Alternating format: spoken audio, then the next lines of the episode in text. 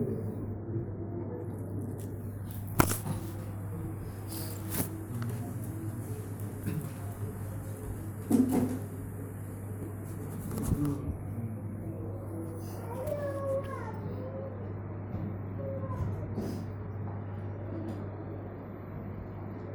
عليكم ورحمة الله وبركاته. وعليكم السلام ورحمة الله وبركاته. إن الحمد لله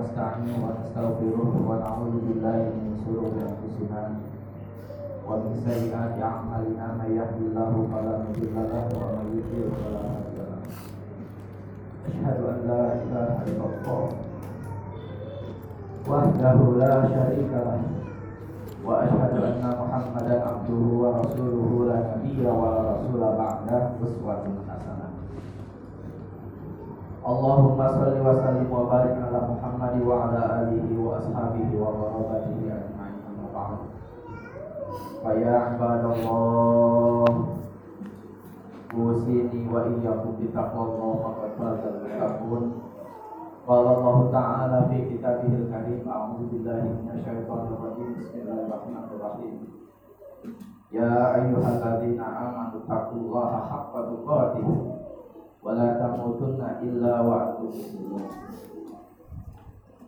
Ya ayuhan nasu taqu rabbakum alladzi khalaqakum min nafsin wahidah. Wa khalaqa minha zawjaha wa bassa minhuma rijalan katsiran wa nisaa'a. Wattaqullaha alladzi tasaaluna bihi wal arham. Innallaha kana 'alaikum raqiba. Ya ayyuhalladzina amanu taqullaha wa qulu qawlan sadida yuslih lakum a'malakum wa yaghfir lakum dhunubakum wa may yuti'illaha wa rasulahu faqad faza fawzan 'azima. Allahu akbar. Allahu akbar. Allahu akbar. Allahu akbar. Allahu akbar. Allahu akbar. Allahu akbar. Allahu akbar. Allahu akbar. Allahu akbar kabira walhamdulillahi katsira. Wa subhanallahi bukratan wa asila. La ilaha illallah wahdahu sadaqa wa'dah. Wa nasara 'abdah. Wa a'azza jundahu wa hazama al-ahzaba wahdah. La ilaha illallah wallahu akbar. Allahu akbar. Walillahil hamd Ma'asyiral muslimin jamaah salat Idul Fitri yang dimuliakan Allah. Menetes air mata orang yang beriman mengiringi tenggelamnya matahari kemarin sore seiring terbitnya hilal sawal. Maka berpisahlah kita dengan Ramadan. Berpisahlah kita dengan bulan yang di dalamnya terdapat suatu malam.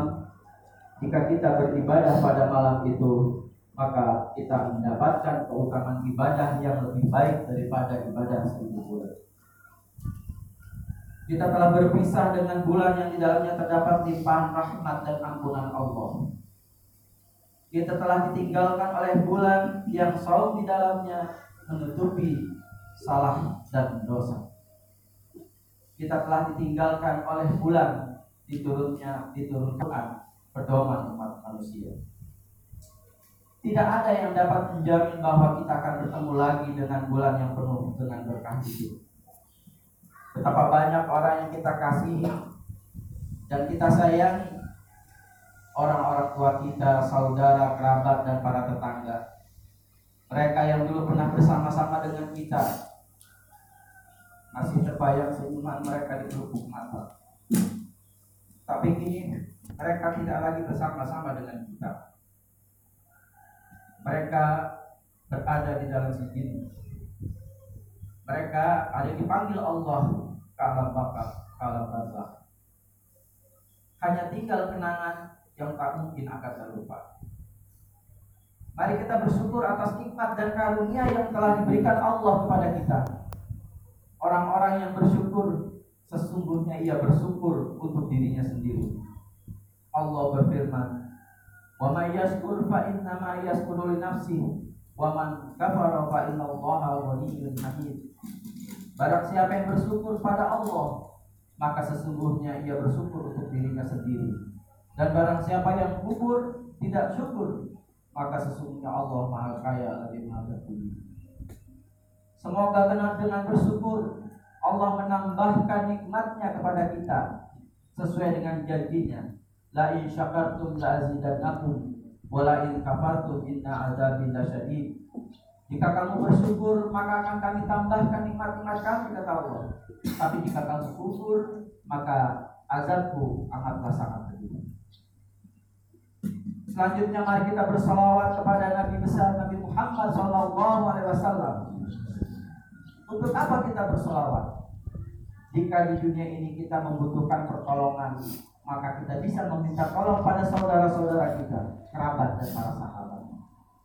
Akan tetapi akan ada suatu masa nanti seperti yang difirmankan oleh Allah, "Yauma yafirrul mar'u min akhihi wa ummihi wa abihi wa sahibatihi wa banihi."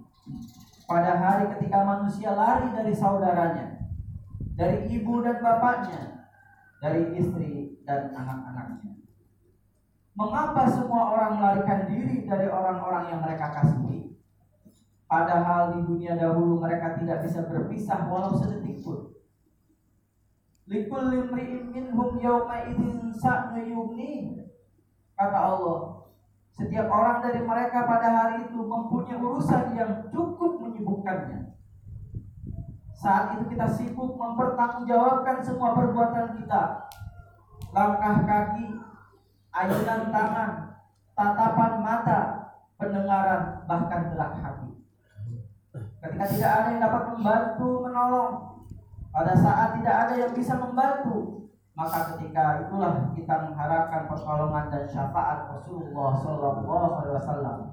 Maka mari kita perbanyak sholawat. Semoga kita termasuk umat yang mendapatkan syafaatnya. Amin ya rabbal alamin. Allahu akbar. Allahu akbar. Allahu akbar walillahil Jamaah Idul Fitri yang dimuliakan Allah. Tujuan dari saum adalah menciptakan manusia yang bertakwa dan kedudukan manusia di sisi Allah diukur dari ketakwaannya. Allah berfirman, Ya ayuhan nas, inna khalaqnakum min zakari wa unsa wa ja'alnakum syu'uban wa qabaila lita'arafu inna akramakum indallahi atqakum innallaha alimun khabir wahai manusia Sungguh kami menciptakan kamu dari seorang laki-laki dan perempuan dan menjadikan kamu berbangsa-bangsa dan bersuku-suku agar kamu saling kenal mengenal. Sesungguhnya orang yang paling mulia di antara kamu di sisi Allah ialah yang paling takwa di antara kamu. Sesungguhnya Allah Maha mengetahui lagi Maha mengenal. Manusia dianggap mulia bukan karena hartanya, bukan pula karena kedudukannya, bukan pula karena jabatannya, bukan pula karena bentuk dan rupanya. Rasulullah bersabda, Inna Allah la yanzuru ila ajsamikum wa la ila suwarikum walakin yanzuru ila qulubikum wa a'malikum. Sesungguhnya Allah tidak melihat kepada tubuh kamu dan tidak melihat kepada bentuk kamu. Akan tetapi Allah melihat kepada hati dan perbuatan kamu janji Allah Subhanahu wa taala untuk orang-orang yang takut kepadanya waliman khafa maqama rabbih jannatan dan bagi orang yang takut akan saat menghadap Rabbnya akan mendapatkan dua surga. Yang dimaksud dua surga di sini adalah yang satu untuk umat manusia dan yang satu lagi untuk umat jin yang beriman.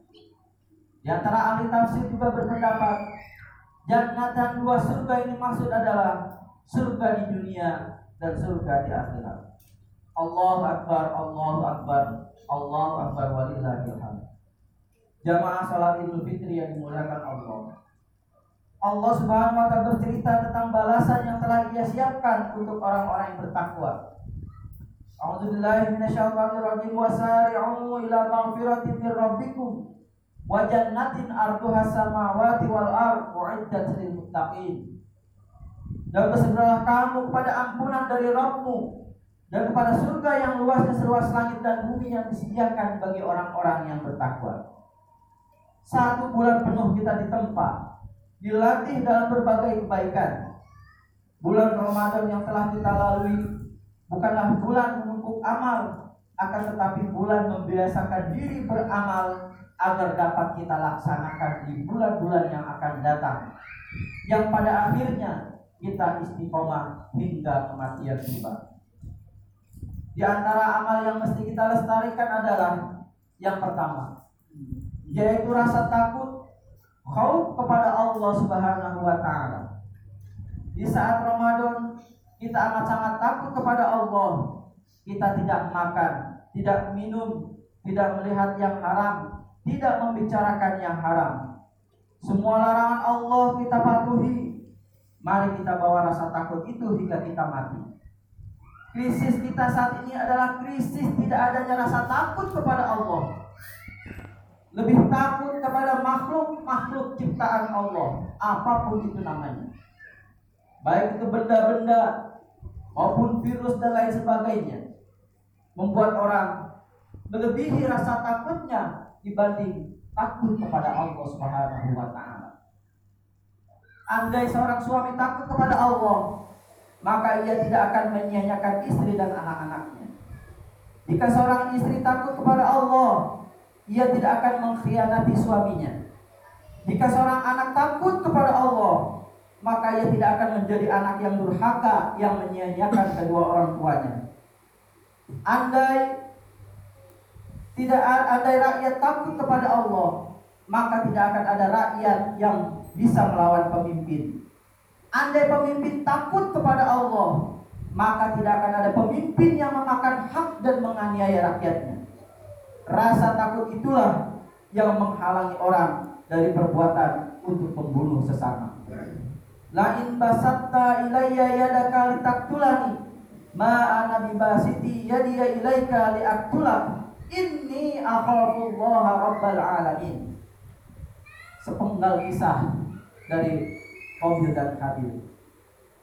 Yaitu sungguh kalau kamu menggerakkan tanganmu kepadaku untuk membunuhku, aku sekali-kali tidak akan menggerakkan tanganmu tanganku padamu untuk membunuhmu. Sesungguhnya aku takut kepada Allah, Rob penguasa seluruh alam. Rasa takut itu pula yang menghalangi orang dari perbuatan zina. Wa rajulun da'athu imra'atun zata mansibin wa jamalin Faqala inni akhafullah. Seseorang yang diajak berzina oleh wanita yang memiliki kecantikan dan kedudukan yang tinggi. Tetapi orang yang diajak itu menjawab, aku takut kepada Allah. Inilah di antara orang yang akan mendapatkan naungan Allah kelak pada hari kiamat. Yang mana tidak ada naungan kecuali naungan dari Allah Subhanahu wa taala. Rasa takut itu pula yang dapat mencegah manusia dari terjerumus ke dalam perbuatan mengikuti hawa nafsu. Wa amma man khafa maqama rabbih wa nahan nafsa 'anil hawa fa innal jannata hiyal ma'wa. Adapun orang-orang yang takut kepada kebesaran Rabbnya dan menahan diri dari keinginan hawa nafsunya, maka sesungguhnya jannahlah tempat tinggalnya. Allahu akbar, Allahu akbar, Allahu akbar walillahil hamd. Yang kedua, berbagi kepada sesama umat manusia. Setelah merasakan sakitnya lapar, di saat berbuka kita berbagi makanan kepada sesama. Mari kita jaga semangat berbagi itu. Saat ini banyak orang yang tidak memperdulikan saudaranya. Keimanan seseorang diukur dari sikap empatinya kepada saudaranya. Rasulullah SAW bersabda dalam hadis yang diriwayatkan oleh Imam Bukhari dan Muslim, La yu'minu ahadukum hatta yuhibbu li akhihi ma yuhibbu li nafsihi. Kamu tidak beriman sehingga kamu menyayangi saudaramu seperti kamu menyayangi diri sendiri. Orang yang mengaku beriman tapi tidak mau berbagi, maka diragukan keimanannya.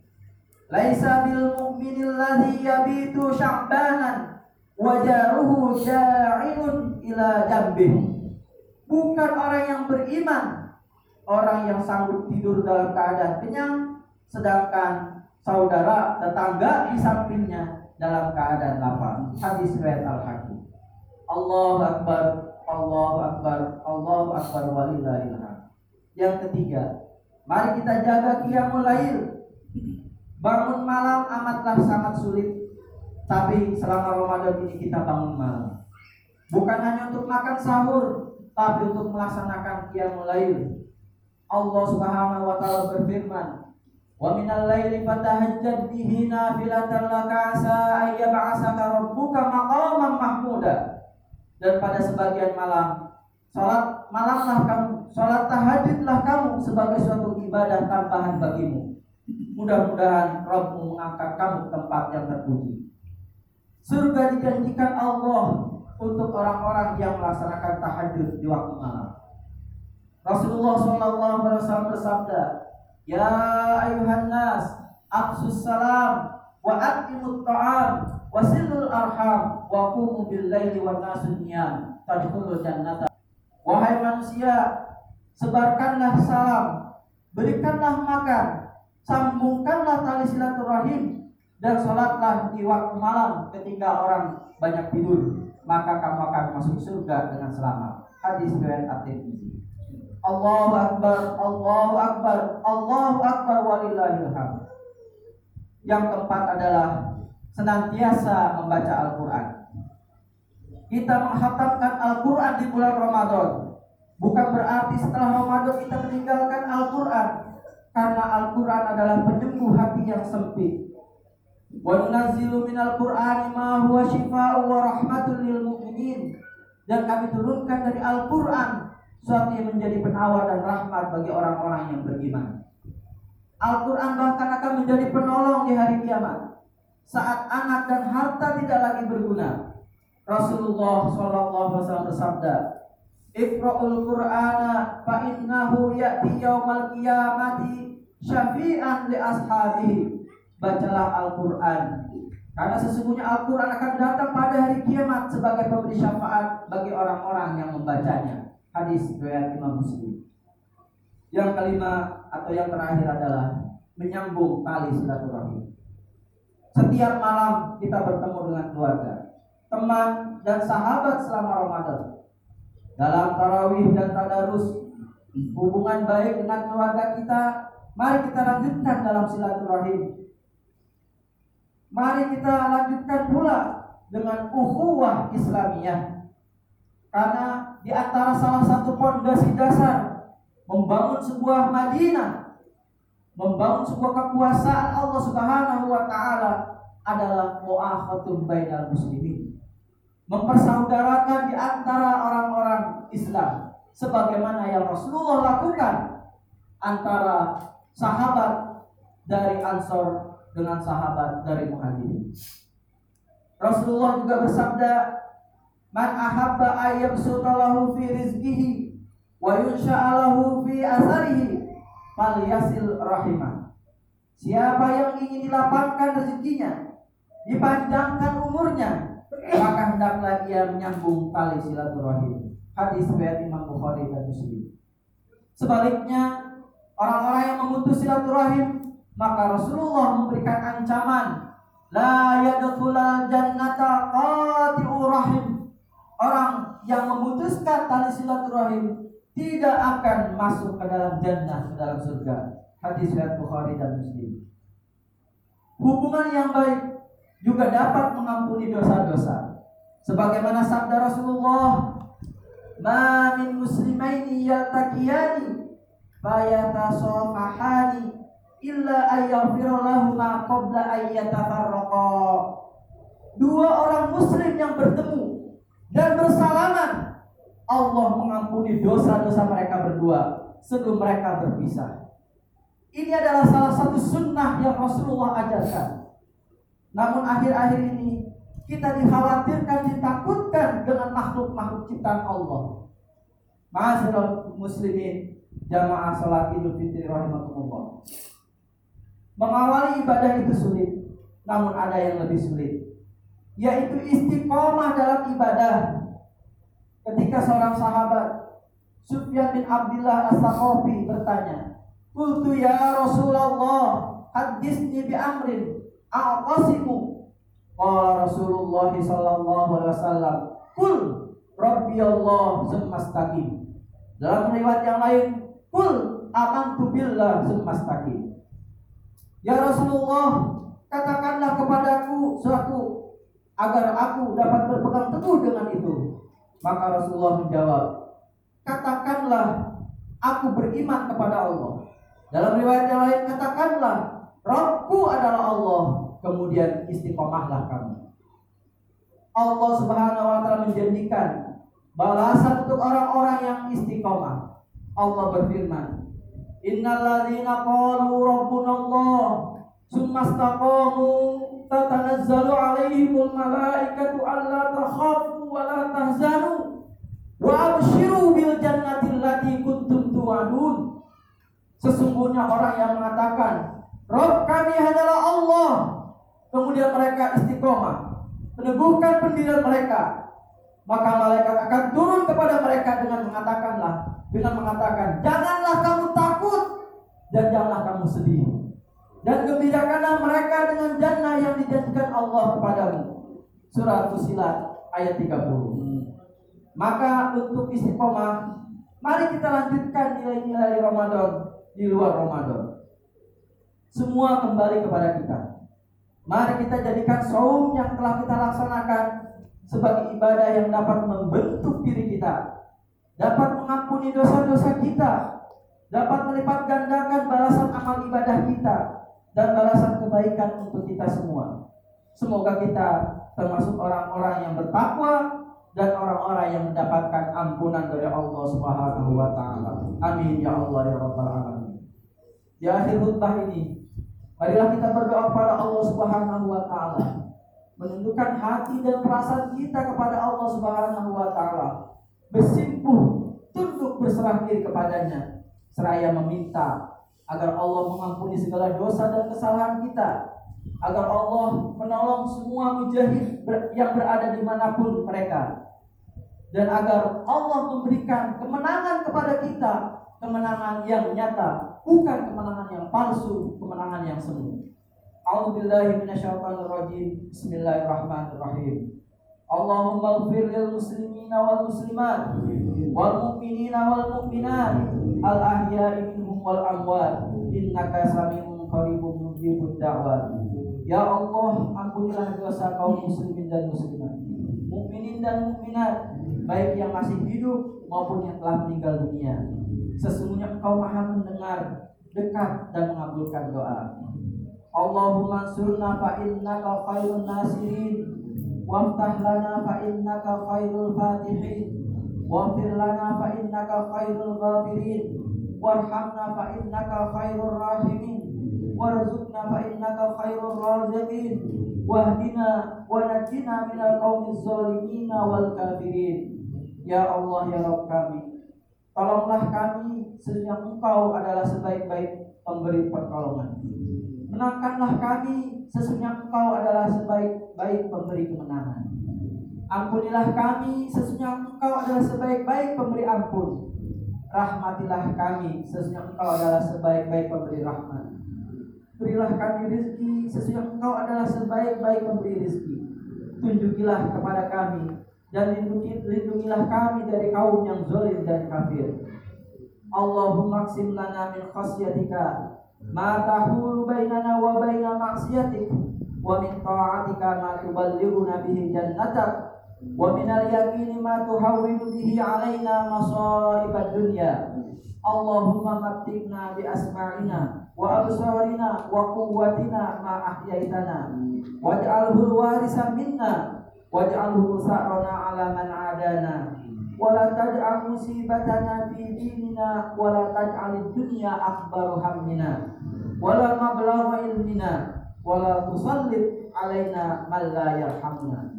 Ya Allah anugerahkanlah kepada kami rasa takut kepadamu yang membatasi antara kami dengan perbuatan maksiat kepadamu. Dan berikanlah ketaatan kepadamu yang mengantarkan kami kepada surgamu. Dan anugerahkan pula keyakinan yang akan menyebabkan ringan bagi kami segala musibah di dunia ini. Ya Allah, anugerahkanlah kepada kami kenikmatan melalui pendengaran, penglihatan, dan kekuatan selama kami masih hidup dan jadikanlah ia warisan bagi kami. Dan jangan kau jadikan musibah atas kami dalam urusan din kami. Dan janganlah kau jadikan dunia ini cita-cita kami yang terbesar dan puncak dari ilmu kami. Dan jangan jadikan berkuasa di atas kami orang-orang yang tidak mengasihi kami. Allahumma inni a'udzubika min ilmin la yanfa' wa min qalbin la yakhsha wa min nafsin la tasba' wa min du'ain la yasma' Ya Allah, aku berlindung kepadamu dari ilmu yang tidak bermanfaat, dari hati yang tidak khusyuk, dan jiwa yang tidak pernah merasa puas, serta dari doa yang tidak didengar. Allahumma Rabbana atina fid dunya hasanah wa fil akhirati hasanah wa qina adzabannar. Walhamdulillahi rabbil alamin. Wassalamualaikum warahmatullahi wabarakatuh.